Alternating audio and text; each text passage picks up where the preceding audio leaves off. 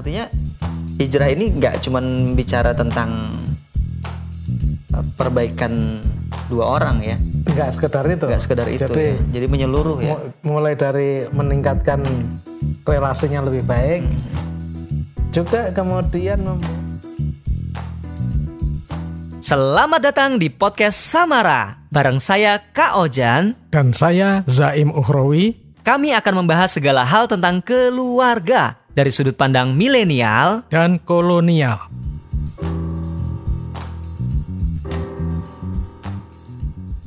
kita bicarain topik yang lagi hangat pak. Lagi rame.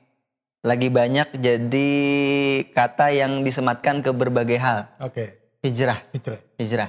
Ada artis hijrah ada musisi hijrah ada hijrah festival.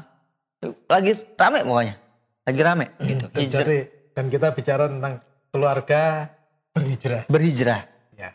B yang kelima berhijrah hijrah. gitu ini kata yang sudah sudah sudah populer pak dulu mungkin menurut saya kurang menurut saya ataupun kalau kalaupun sudah terdengar tapi masih di kotaknya sendiri gitu Ya. ini udah keluar kayaknya kalau kalau ada kata hijrah tuh udah keren sekarang Terus saya kira bagus juga. bagus juga pak ya Kita- positif kita- ya Kita malah bisa mulai dari contoh yang populer ya. hmm.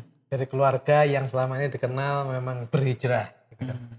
Itu Ari Untung itu kan. Ya, Jadi, ya. eh, ini ngomongin orang lagi nih nggak apa-apa nggak apa-apa kan? apa-apa ya Kan ngomongin baik.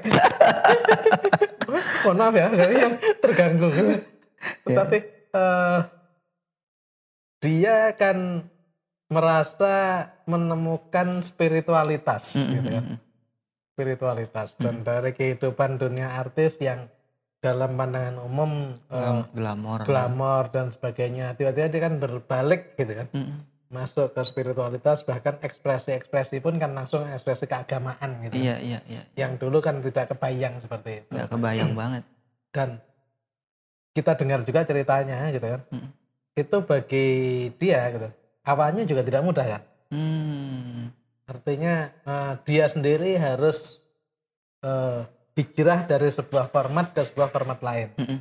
Persoalannya adalah kalau dia sendiri gitu ini kan keluarga bagaimana? Gitu. Ah, oke. Sementara itu nah dari cerita itu nah istrinya pada awalnya tidak, Belum. tidak tidak semudah dia gitu. Iya. itu belum. Dan itu tentu ada sebuah eh, tarikan ya. tarikan Iya. tarik menarik yang yang yang perlu waktu sampai kemudian ternyata istrinya mengikuti Mm-mm. dan tiba-tiba melihat wow dunia baruku gitu kan saya harus meninggalkan dunia yang lama sama sekali dunia baru ternyata menarik sekali dan Mm-mm. ini ini satu contoh eh, sukses hijrah. Mm-mm. kebetulan eh, konteks hijrahnya adalah dari apa yang sifatnya glamor tadi gitu menuju pada sesuatu yang lebih agama eh, Hmm. agamawi lah. Mm-mm.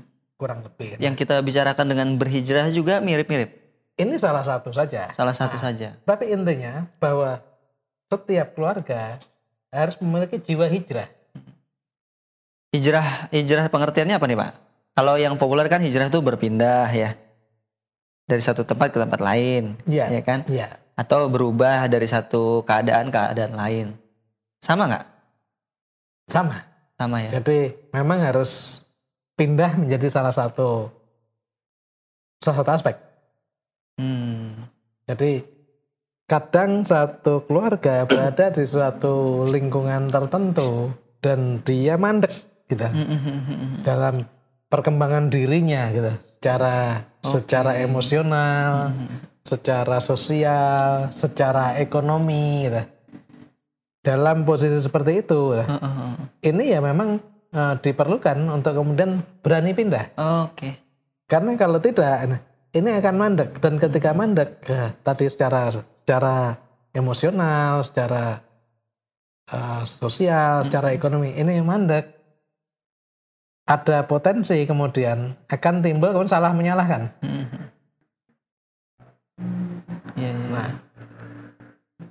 untuk itu ya perlu berani keluar dari situasi itu, pindah sama sekali. Hmm.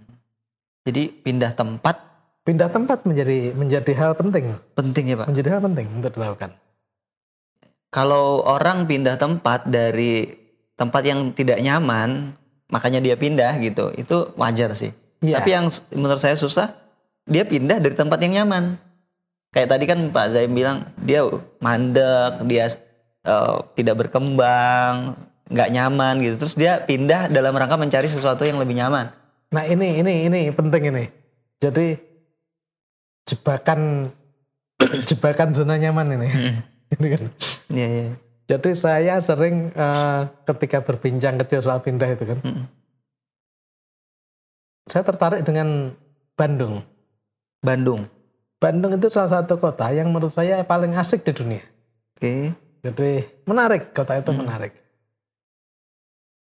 Konturnya bagus, udaranya bagus gitu. Masyarakatnya enak Iya, gitu kan dan kemudian eh, artistik gitu. Artistik. Kita menemukan hal di mana-mana. Nah, lalu saya sering katakan bahwa kapasitas artistiknya orang Bandung itu sebenarnya kelas dunia. Hmm. Jadi bukan bukan kelas Bandung, bukan kelas Indonesia. Iya. Jadi di Indonesia mereka sudah sudah di atas rata-rata. Mm. Bahkan mereka dunia, ya. Mm. termasuk sekedar potong rambut saja. Itu pemotong rambut eh, pinggir jalanan di Bandung. Itu kelas dunia. Oh gitu. Nah, bicara musik juga begitu. Iya. Tetapi kenapa eh, tidak banyak di dunia gitu orang Bandung yang ada di sana karena Mm-mm. karena teman-teman Bandung ini terlalu nyaman ya dengan Bandung ya. Dia terjebak pada pada zona nyaman. Iya, iya. Nah, tetapi sekali lagi, apakah kemudian ke perkembangan diri sendiri membuat secara emosional terus tumbuh, secara sosial terus tumbuh, secara ekonomi terus tumbuh? Nah, kalau memang tinggal di tempat yang yang lama tetap memungkinkan itu ya nggak apa-apa. Mm. Tetapi ketika ini membuat eh, stagnan gitu, Mm. harus keluar. Oke. Itu sebabnya dalam sebuah buku yang sedang saya tulis, gitu, saya mengambil contoh eh, ada barbershop Mm. yang laku sekali Mm. di Maryland, Amerika. Oke. Tentu saja orang Jawa Barat juga gitu. Dan Lalu saya ber- saya membayangkan, Garut pasti. ah ya Garut kan hanya satu simbol. Sebenarnya tidak se- sekitar situ semua bagus-bagus. Oke. Ya pusatnya Garut gitu ya. Nah, artinya barbershop seperti itu. Nah saya membayangkan mestinya di seluruh dunia itu ada gitu. Iya, iya. mestinya seluruh dunia itu ada gitu. Dan itu mereka punya kapasitas seperti itu dan akan luar biasa. Iya, Ya, Itu contoh. Dalam konteks keluarga, hijrah ini berarti hijrahnya harus semuanya Pak ya?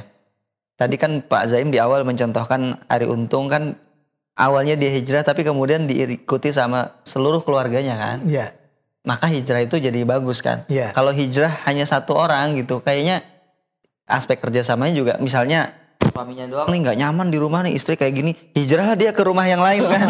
Itu kan jadi nggak bagus ya tidak sukses gitu. Jadi hijrahnya harus bareng-bareng ya pak. Minum ah. Jadi ketika saya di Filipina, saya sedang studi, ketemu juga dengan seorang yang eh, sedang kuliah di Filipina, ambil master, kebetulan di kampus yang berbeda dengan saya lah. Ketika saya tanya gitu kan, apa yang menjadi motivasi itu? Dia seorang guru eh, di sekolah swasta menengah bawah. Dan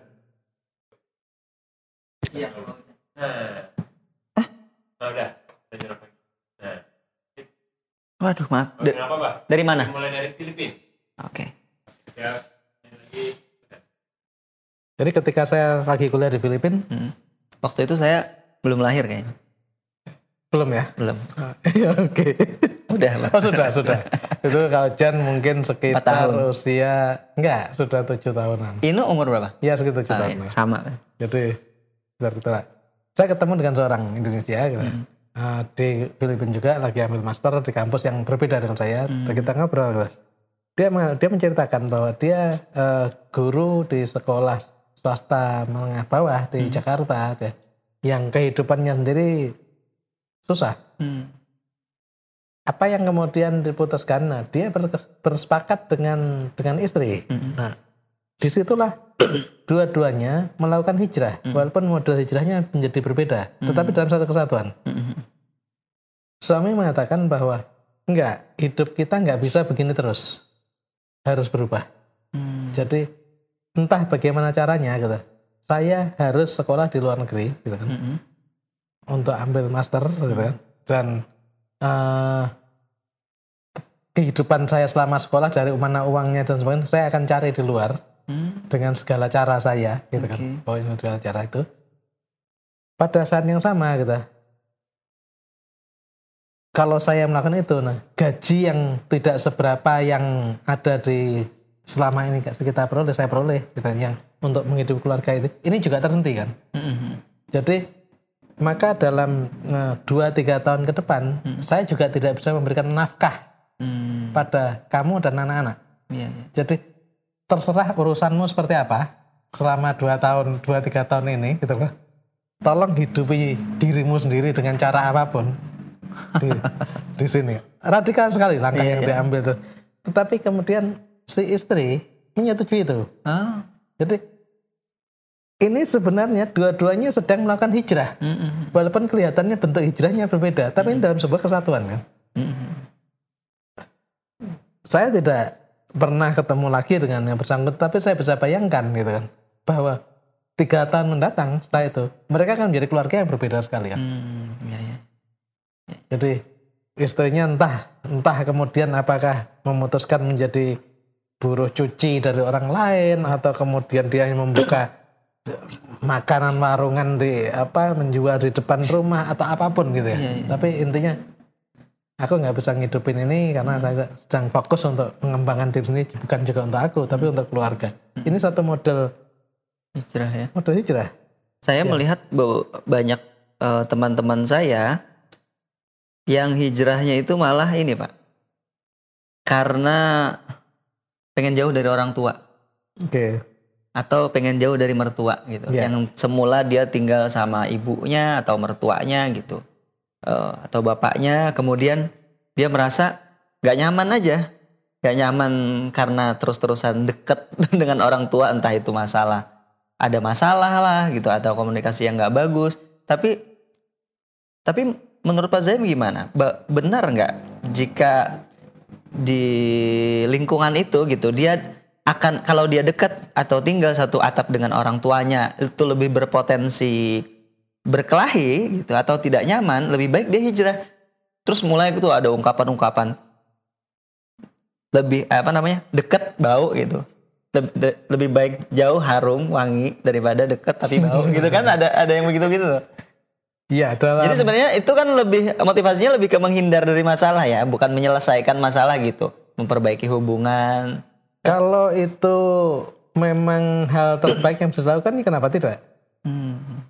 Artinya dia belum dia sadar persis bahwa dia dia tidak cukup mampu keluar dari itu. Gitu. Iya, iya. Daripada- daripada saya me- menyakiti punya hati saya sendiri kemudian punya perasaan negatif terhadap orang tua atau mertua yang dari hari-hari hari demi hari ke, kepupuk gitu Iya, kan. iya, iya, iya. Kemudian juga sesekali jadi, jadi juga saya menjadi tanpa sadar menjadi sering menyakiti gitu.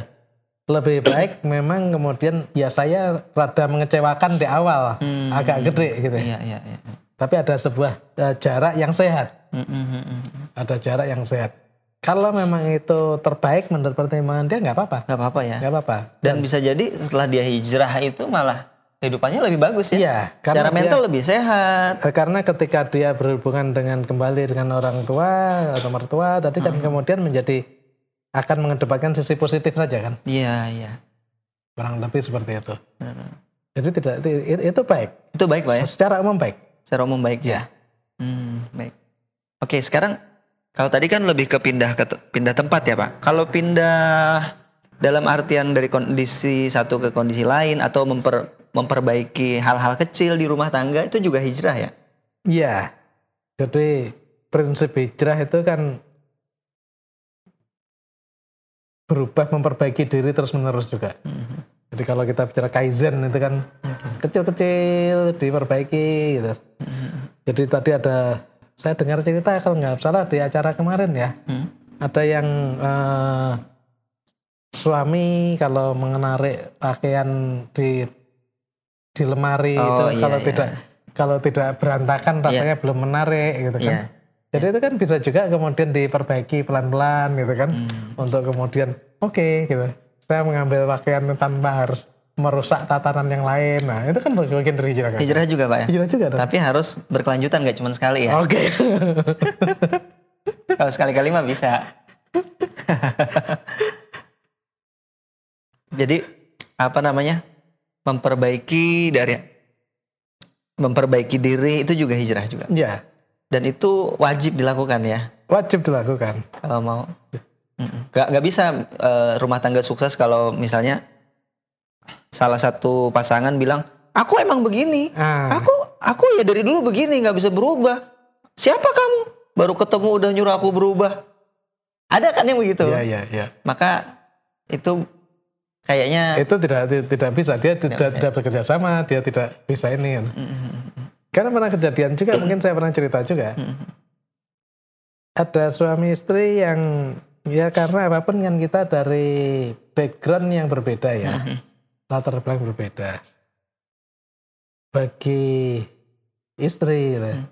itu dari keluarga yang cukup eh, relatif makmur pada masa itu kan. Hmm. Jadi makan daging itu ya sehari-hari lah ya. Hmm. Bagi dia gitu. Emang ketika ada yang makan tulang pak? oh banyak. Oh, banyak. Nah, ceker itu kan enak ya. Oh, iya. itu kan nggak ada dagingnya jadi eh, ketika dia masak misalkan bikin apa ya Saya masih bayangin makan tulang. misalnya bikin rendang atau bikin semur daging gitu bagi dia ya potongannya itu harus besar kan Mm-mm. karena Oke. karena eh, dan tidak pantas menyajikan dengan potongan yang kecil Mm-mm. gitu kan tidak apalagi kalau ada orang lain ada tamu dan sebagainya seperti kurang menghargai. Nah, ini jadi jelas ini daging. Hmm, ini. Ya. dia terbangun dengan seperti itu dari kecil dari kecil suaminya enggak. Jadi potongan daging itu harus sangat kecil. Hmm. dan masing-masing berkeras untuk Suaminya kayaknya orang kudus. Soto kudus itu kan dagingnya kecil. jadi jadi ketika urusan yang seperti ini saja gitu. Ini berkeras untuk tidak mau hijrah gitu ya. Oke. istrinya tidak mau hijrah gitu kan. Untuk sedikit lah dikurangin gedenya potongan ini gitu kan. Sementara ada suaminya selalu ngomel gitu seperti itu ini kan barang sederhana ya. Iya iya iya. barang sederhana yang ternyata ini memicu hal-hal yang kemudian ada faktor lain, faktor lain, faktor lain, ya pada akhirnya pecah juga. Mm. Tentu saja bukan perkara daging tadi ya, tetapi dia daging potongan daging tadi berkontribusi gitu berapa persen terhadap itu. Kemudian juga soal kebiasaan rokok misalnya, Hmm. Iya iya iya. itu Iya. kadang-kadang tahu gitu ini ini nggak sehat gitu Iya kan. iya. Untuk berhijrah ini kan kadang-kadang Tidak gampang ya. tidak gampang gitu kan. Pindah dari rokok ke apa? Vape ya, Bapak. rokok elektrik. Jadi sementara mungkin pasangannya terganggu sekali dengan dengan rokok, tapi ya aku memang begini gitu. Iya iya. iya. Nah, ini kemudian karena ini berkeras bisa jadi pasangnya pada akhirnya menerima, tapi menerimanya bukan menerima dia dengan dengan senang hati, Iya. tapi ya males lah daripada daripada ribet. Nah, ini kan Artinya kalau orang mau nikah, dia harus siap akan banyak terjadi perubahan ya Pak. Sebenarnya kan gitu kan? iya. Iya. Gitu. Gak, nggak mungkin setelah menikah nggak nggak berubah tuh nggak mungkin. Karena dia akan hidup dengan orang yang berbeda, dia akan punya anak dan seterusnya. Ini tadi kita harus melihat bahwa apalagi di zaman sekarang ya. Ini kan perubahan kondisi luar ini kan luar biasa. Ya, ya, ya. Kalau kita sendiri tidak melatih diri untuk Berubah. untuk mudah berubah, untuk siap menerima perubahan dalam bentuk apa pun ya kemudian kita akan mandek ini Iya, iya, iya. ditelan oleh Iya, iya, iya. ditelan oleh zaman gitu kan Kalau bicara hijrahnya pindah tempat itu, Pak, saya pikir eh, ini juga memang sering kejadian ya, terutama eh, saya juga mengalaminya gitu bahwa kalau pindah pindah tempat tinggal gitu secara fisik, Pak. Secara fisik itu memang sangat bagus. Bahkan ketika sendiri gitu, saya pindah dari kampung ke kota untuk pendidikan, kemudian pindah lagi ke kota lain ke kota lain gitu otomatis kan ada pengalaman yang banyak ya dan itu sangat bagus buat pribadi apalagi rumah tangga. Kalau saya sih belum nih. Saya selama nikah belum pindah. Belum pernah pindah fisik nih. Belum pernah pindah rumah gitu. Masih di rumah yang sama. Terus belum pernah apa namanya atau untuk studi ke luar negeri akhirnya harus pindah. Kalau Pak Zaim kan pernah. Ya pernah pindah gitu. Iya. Itu ad- ada nggak pak? Eh, kelebihannya gitu. Atau dampaknya ke rumah tangga ya? Ke Oh iya, sangat. Samaraknya. sangat. Eh, ketika terutama ketika kami keluar ya pindah keluar Ke Filipina. ke Filipina sekolah bersama anak-anak gitu kan. Dan itu semuanya ya? semuanya. Nah ada saat-saat yang kemudian kita pas lagi moral kita lagi low emosi kita lagi naik gitu kan. Dan kemudian istri kita juga lagi pas posisi seperti itu. Nah, dan kemudian kita ya berdebat itu kan. Di situ ada perasaan kan ayo kita kalau kalau berantem ya berantem total diselesaikan sini karena aku nggak punya pendukung kamu juga nggak punya pendukung kan bagus ya Iya, iya, iya. jadi Dan kamu tidak bisa pulang ke rumah Ya, makanya. orang tuamu gitu kan? Jadi- Nggak bisa nyanyi. jadi sama-sama ini kal kalaupun kita mau meninggalkan tempat tinggal gitu ya kontrakan kita itu kan uang kita juga terbatas gitu kan misalnya kita nggak aku mau nginep dulu di hotel ya nggak punya uang jadi Iya, iya, iya. Kepaksa gitu ya. Har- harus pulang bareng ke rumah yang sama nah ini ini mengokohkan gitu loh Iya iya iya. walaupun tadi eh, jalannya memang kadang ya menjadi menjadi nggak enak ya tetapi, tetapi situasi itu akan akan memaksa Kan maksa. ya Jadi Pak Zaim eh, termasuk merekomendasikan nggak pindah pindah tempat itu. Misalnya gini saya gitu. Sekarang pindah eh, entah punya rumah baru di mana gitu atau kuliah ke luar negeri satu keluarga boyong semua. kalau bisa keluar negeri dan boyong semua bagus Bagus ya Pak. bagus karena itu akan memberikan warna yang lain sama sekali dan anak-anak juga anak Punya pengalaman punya yang pengalaman yang berbeda kalau soal pindah dari satu tempat ke tempat lain ya itu perlu dikaji lagi lah Iya iya. itu itu apakah eh, manfaat mudorotnya seberapa itu perlu perlu dicek gitu ya. Iya iya. karena ketika masih berada di wilayah yang kurang lebih sama dan sebagainya ya sebenarnya juga nggak juga nggak pindah juga, Saya soalnya pernah dengar cerita Pak Zaim dulu. Ada keluarga suami istri, kalau nggak salah belum punya anak ya. Dia di, di Jakarta, dia punya karir bagus. Terus akhirnya mereka berdua memutuskan menjual semua aset dengan mobil. Mereka eh, overland oh iya iya sampai ke timur. Iya. Boleh cerita dong Pak? Kayaknya iya ada ya mereka merasa bahwa sudah mandek lah. Mhm. karir dia sudah mandek dan sebagainya. Akhirnya diputuskan tadi menjual seluruh asetnya dia sisakan mobil saja. Mhm. selebihnya kan ditaruh di bank yang bisa diambil di mana saja kurang lebih itu. Nah akhirnya dia berpikir untuk memulai hidup baru gitu. Mhm. dari Jakarta dengan bermobil dia singgahi daerah demi daerah untuk mencari alternatif gitu Iya. apa aktivitas baru gitu Mhm. dan sepanjang Jawa ini dia belum menemukan ini orang Jawa dua-duanya betul Orang Jawa ya. menyeberanglah ke Bali gitu. Mhm. setiap daerah dicari sebagainya nah belum menemukan juga pindah lagi itu ya Ma- ma- masuk ke Pulau Lombok nyari lagi belum menemukan pindah lagi ke Pulau Sumbawa. ke Sumbawa gitu dan sampai akhirnya gitu, ketika di situ belum juga masih nyebrang lagi sampai di Flores. Lalu mereka menemukan oh ini ada tempat yang menurut mereka asik untuk beraktualisasi. Gitu. ketika kemudian si istri men- mendirikan sebuah eh, kegiatan membantu anak-anak setempat Mhm. aktivitas pendidikan dan sebagainya. Lalu suaminya fotografer dan merasa bahwa ini banyak sekali aspek yang eh, Bisa objek yang eh, bisa diekspos. Akhirnya dia putuskan seperti itu. Itu benar-benar hijrah itu ya. itu benar-benar hijrah. Dan itu sehat ya. Itu sehat. Sehat ya Pak ya.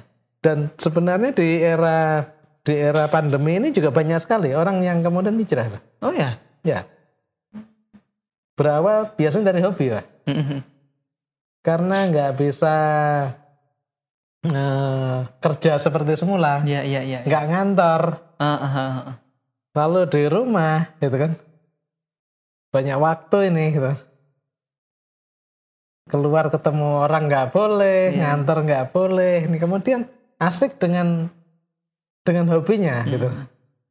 Dan misalnya dalam kasus ke teman saya gitu, walaupun dia masih tetap punya aktivitas di luar ya, Hmm. dengan dengan dengan Zoom, dengan webinar, dengan segala macam gitu. Dia ngurusi tanaman Hmm.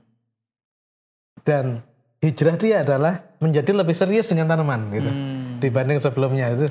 Sekarang dia dulu seperlunya sekedarnya, nah sekarang dirawat betul tanamannya ini, lalu dia kurasi, dia pilih gitu ya. Hmm. tanaman-tanaman apa yang memang harus ditumbuhkan dan dan tanaman apa yang sudah ya sudahlah dimatikan saja lah kurang lebih itu dan dipupuk di ini nah akhirnya kan ketika dia seneng dengan tanaman itu gitu dia foto gitu kan Hmm. Lalu dia unggah gitu loh. Setelah diunggah tiba-tiba ada temennya komen eh bagus deh gitu kan itu itu kamu beli di mana? Enggak aku nggak beli. Kan ada ada ada di rumah gitu di ini gitu. Hmm. aku pengen deh gitu kan. Boleh nggak aku beliin enggak aku nggak jual ini kan. Enggak enggak aku harus beli gitu kan. Aku harus beli. Nah dari situ kan kemudian oke terus dilepas. Dari sana miara lagi tan- cari lagi tanaman di dan begitu lagi setelah setelah lama-lama gitu tiba-tiba gitu. Dia oh boleh juga saya jualan tanaman. Dan tiba-tiba dia menjadi penjual tanaman yang bagus. Hmm. Iya iya. yang yang dia tidak pernah terpikir. Tetapi ini kan ada proses hijrah ya. Iya iya. kadang ada ada keterpaksaan kadang. Hmm. tetapi ketika dia menjalani Hmm. nyaman menjalani proses itu nah ini akan menjadi luar biasa Artinya hijrah itu eh, bikin orang sukses nggak cuma di apa namanya nggak cuma di dalam rumah tangga secara hubungan pak ya. Seperti tadi tuh ad- memang ada beberapa teman saya yang akhirnya dia harus pindah rumah me- menjauhi konflik dengan orang tuanya tapi akhirnya dia punya hubungan yang lebih bagus dengan istrinya gitu kan. Hijrah itu membantu itu. Tapi juga hijrah itu bisa membantu secara ekonomi juga ya. Seperti Iya. cerita Pak Zaim pertama kan Ari Untung itu walaupun dia hijrah mungkin awalnya pasti dia akan jobnya hilang takut jobnya hilang kan gitu. Tapi ternyata kalau saya lihat hari ini ya dia sukses banget juga gitu. Kemudian dia punya produk-produk baru yang itu sesuai dengan eh, hijrahnya dia gitu kan. Malah dia jadi icon juga gitu. Terus eh, secara pendidikan juga Pak ya. Hijrah itu kan eh, mendidik pribadi kemudian ya pindah tempat kayak Pak Zaim juga secara pendidikan lebih bagus Iya, gitu. iya. Artinya hijrah ini nggak cuman bicara tentang eh, perbaikan dua orang ya, nggak sekedar itu nggak sekedar itu Jadi, ya. Jadi menyeluruh ya. mu- mulai dari meningkatkan relasinya lebih baik Mhm. Juga kemudian membuat aktualisasi dari keduanya lebih baik kan Mhm. baik itu untuk keluarga sendiri maupun juga untuk keluar gitu. Iya. iya. itu tergantung dari situasinya itu dan Mhm. kalau kita lihat sejarah ya Mhm. Rasulullah itu sukses setelah hijrah Setelah hijrah, jadi setelah menjadi 13 tahun mandek ya. setelah 13 tahun berada di Mekah gitu kan dan kemudian eh, berbagai upaya dilakukan dan mengalami kebuntuan kebuntuan kebuntuan dan kemudian ada momentum gitu Mhm. Dan Yang- memang wahyu ya. iya ada momentum yang eh, wahyu khusus tidak sebenarnya itu bukan wahyu khusus kan Mhm. tetapi ad- di- diwujudkan dalam dalam dalam realita Iya iya. iya. ketika tiba-tiba di dalam terancam sekali Iya, dan di luar ada kesempatan gitu Ada sambutan. ada sambutan dan kemudian berhijrah dan dari sanalah kemudian Rasulullah menjadi benar-benar pemimpin besar Mhm. yang diakui itu kan dari situ Iya iya iya. nah ini ini juga kalau kita lihat di masyarakat sekitar kita gitu ya Mhm.